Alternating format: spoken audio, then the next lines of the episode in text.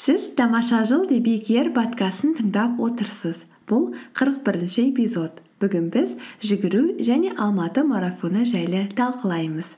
Ал онда кеттік. Бұл жеке даму мотивация өмір жайлы толғаныстар қамтылатын қазақша аудиоблог. Бұл күн шуағымен жарыса оянып күнін жаңа идея мен қуанышпен бастағысы келетіндердің қоғамы. Тамаша. Бақытты болу. Бақытты болу. Ол біздің таңдауымыз. Біздің таңдауымыз. Шоу жүргізушісі талшынды қарсы алыңыздар. Сәлем барлықтарыңызға тамаша жыл подкастына қош келдіңіздер. Егер подкастты бірінші рет тыңдап отырсаңыз мені тыңдап көруді шешкеніңізге үлкен рахмет. Бұл подкаст сіздер үшін аптасына үш рет дүйсенбі сәрсенбі және жұма күндері астана уақыты бойынша таңғы жетіде шығады. Ал енді бүгінгі тақырыпқа көшелік. Өздеріңіз байқағандай көріп тыңдап жүргеніңіздей мен жүгіргенді өте жақсы көремін. Оған байланысты мен бірнеше подкасттар да жаздым бірнеше видеолар да. Және де әлі де инстаграмда болсын кез келген желілерде жүгіруге барлығын шақырудан жалыққан емеспін. Әрине көп менің істегім келген істер аса сәтті деп ойламаймын. Алайда мен сонда да қоймай жүгіруге бәрін шақыра бергім келеді. Кеше ғана яғни жексенбі күні алматы қаласында марафон болды. Бұл марафонда он километр жиырма бір және де толық марафон яғни қырық екі километрді жүгіруді мақсат еткен мыңдаған адамдар қаланың көшесіне шықты. Мен үшін бұл өте тамаша тәжірибе болды. Себебі мен қазақстанда мұндай ұзындыққа жүгірмеген болатынмын. Менің ең алғашқы жүгіргенім ол лос анджелес қаласында. Толық марафон 42 километр. Былтыр ақпан айында болған.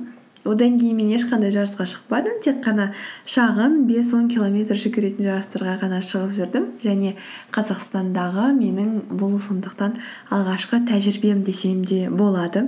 Маған өте қатты ұнады. Ұйымдастырылу жағынан да жалпы халықты тарту жағынан да көлемі ауқымы бойынша да.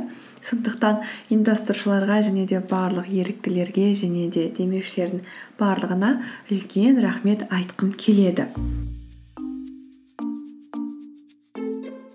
Мен бұл жолы алматы марафонында 21 километр жүгірдім. Яғни бұл спортта марафонда жарты марафон дистанциясы деп аталынады. Өйткені ол қырық екінің тең жартысы.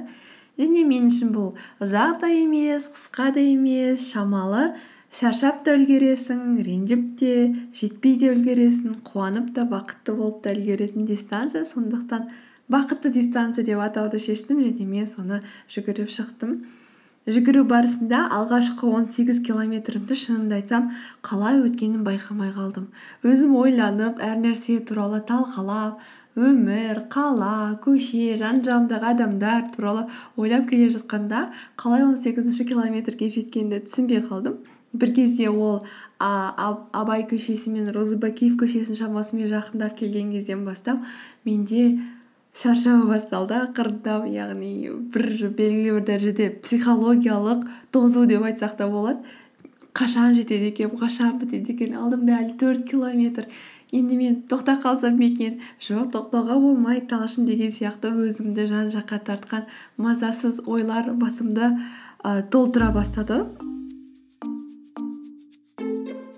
Ең қызығы бұл жерде көбінесе айтады марафонды ол дененің шынықтырудың жарысы емес ол көбінесе психологиялық шыдамдылықты талап ететін ә, спорт деп. Себебі ә, көп адамдар айтады ол 90 процент психология болса 10 проценті ғана физикалық жаңағы мықтылық деп. Мен оған толығымен шынымен де келісемін. Өйткені егер де мен 18 километр алдымда 3 километр бар екенін білмегенімде шынымды айтсам меніңше мен ары қарай ойланып сол жүгіре бергенімді жалғастыра берер едім. Алайда мен 18 километр деген жазуды көрдім де миыма сап ете қалды. О үш ақ километр қалыпты ғой деп. Тезірек жетсем екен деп. Алайда сол тезірек жетсем деген ой менің мазалауын қоймады. Қашан жетем қашан қалай? Мен жүгіре алмаймын бол шаршадым тоқтай салғым келеді деген өзімнің мойнымдағы мені артқа тартатын ойлардың пайда болуына алып келді. Сол кезде мен өзіме жұмыс істей бастадым. Айттым талшын саған үш километр туралы ойлама. Ал қазір қайтадан бұрынғы кезді еске түсірейік. Есіңде бар ма? Бір жарым жыл бұрынғы талшын сен ол кезде жүгіре алып па едің деп. Шынымен де мен бір жарым жыл бұрын жүгіре алмайтынмын. Мен екі километр жиырма бір тұрмақ екі километр да жүгіре алмайтынмын. Және жүгірген кезде де ахілеп ухілеп жаңағы шаршап тоқтап қызарып жерге отырып құлап деген сияқты солай жететінмін. Соны есіме түсірдім.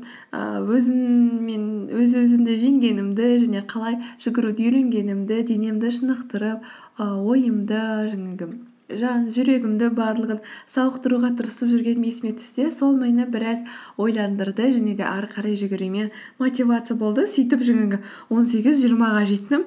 жиырма мен жиырма бірдің ортасында келесі ойдың жанталасы болып кетті. Себебі бір километр қалғанда ол тіпті одан да жақын болып көрінеді. Бірақ сол бір километр шынымен де жаңағы оған дейін жүгіріп өткен он бес километрінен де артық пытка яғни одан артық бір сен өзіңді тоздырып жіберетін кезең деп айтсақ та болады. Алайда ол жерде де егер де өзіңді психологиялық дәрежеде жеңсең өзіңді алға қарай итерсең қазір сен істей аласың қолыңнан келеді ол түк емес. Ал қанекей қарайықшы жан жанымыздағы адамдарға қарайық күлейік деген ойлар ә, біраз алға қарай тартты. Сондықтан мен толығымен келісемін. Марафон және ұзақ дистанцияға жүгіру ол тоқсан процент психологиялық ойын.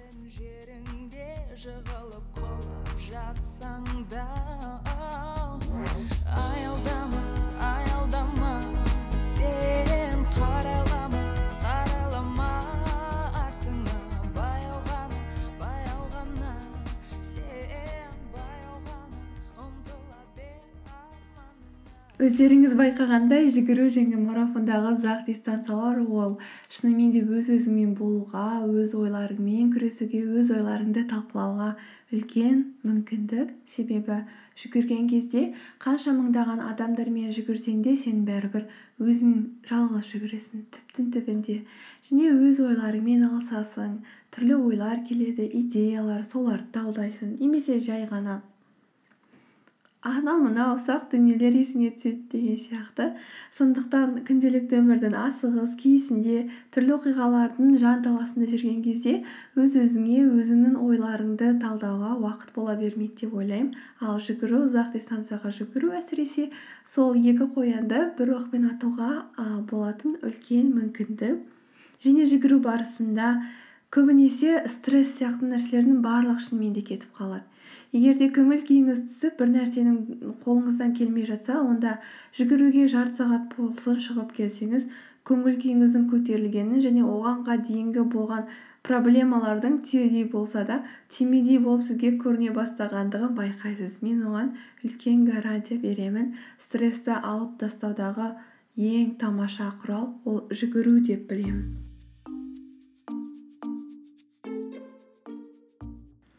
Сонымен қатар сіздерге миллион рет айта беретін жүгірудің денсаулыққа әсері дегенді тағы да айта бермей ақ қояйын. Оған менің арнайы подкастым бар. Ә, ертеректе жазылған подкасттардың біреуін алып тыңдап көріңіз немесе ютубқа барыңыз сол жерде де бар. Және жүгірудің тағы бір жақсы бір себебі ол өзің тұрып жатқан жерді қаланы аймақты тануға үлкен мүмкіндік береді. Сол жердегі әрбір ағашпен ғимараттармен әрбір таумен ол жерде өмір сүретін адамдардың тыныс тіршілігімен әр талмен әр шөппен гүлмен барлығымен жақын таныса түсесіз. Желімен жүйткіп әрбір гүлімен одан сайын құлпыра түсіп алыстағы тауларға әрбір қадамыңызбен жақын бола түсіп өзіңізді биіктікке ұлылыққа шақыра түскенде өзіңізге ынта алғандай боласыз.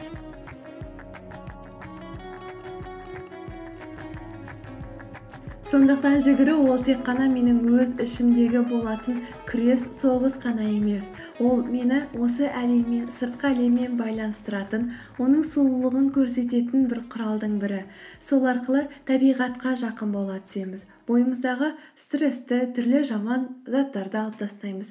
Және жүгіріп болғаннан кейін өзімізді жүгіргенге дейіннен кезеңге қарағанда бақыттырақ сезіне түсеміз. Егер сіз де жүгіруді жақсы көрсеңіз мен де жүгіруді жақсы көрсем біздің елімізде бақыттырақ және дені сау шыдамды шыныққан адамдардың саны көбейе түседі деп ойлаймын. Егер сізге жүгіру қызықты болса және алматы қаласында болсаңыз онда маған міндетті түрде хабарласыңыз. Себебі жексенбі күні барлығымыз бірге жүгіре аламыз. Келесі кездескенше дендеріңіз сау болып барлық істеріңіз оңға бассын.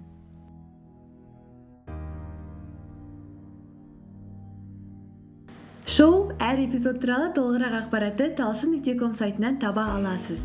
Ал егер де подкастты веб браузердан немесе вк желісінен тыңдап отырсаңыз онда мен сізге apple store play marketқа барып сол жерден подкаст қосымшасын көшіріп кейін подкаст қосымшасының ішінен тамаша жылды тауып өзіңізге ыңғайлы уақытта тыңдауды ұсынар едім.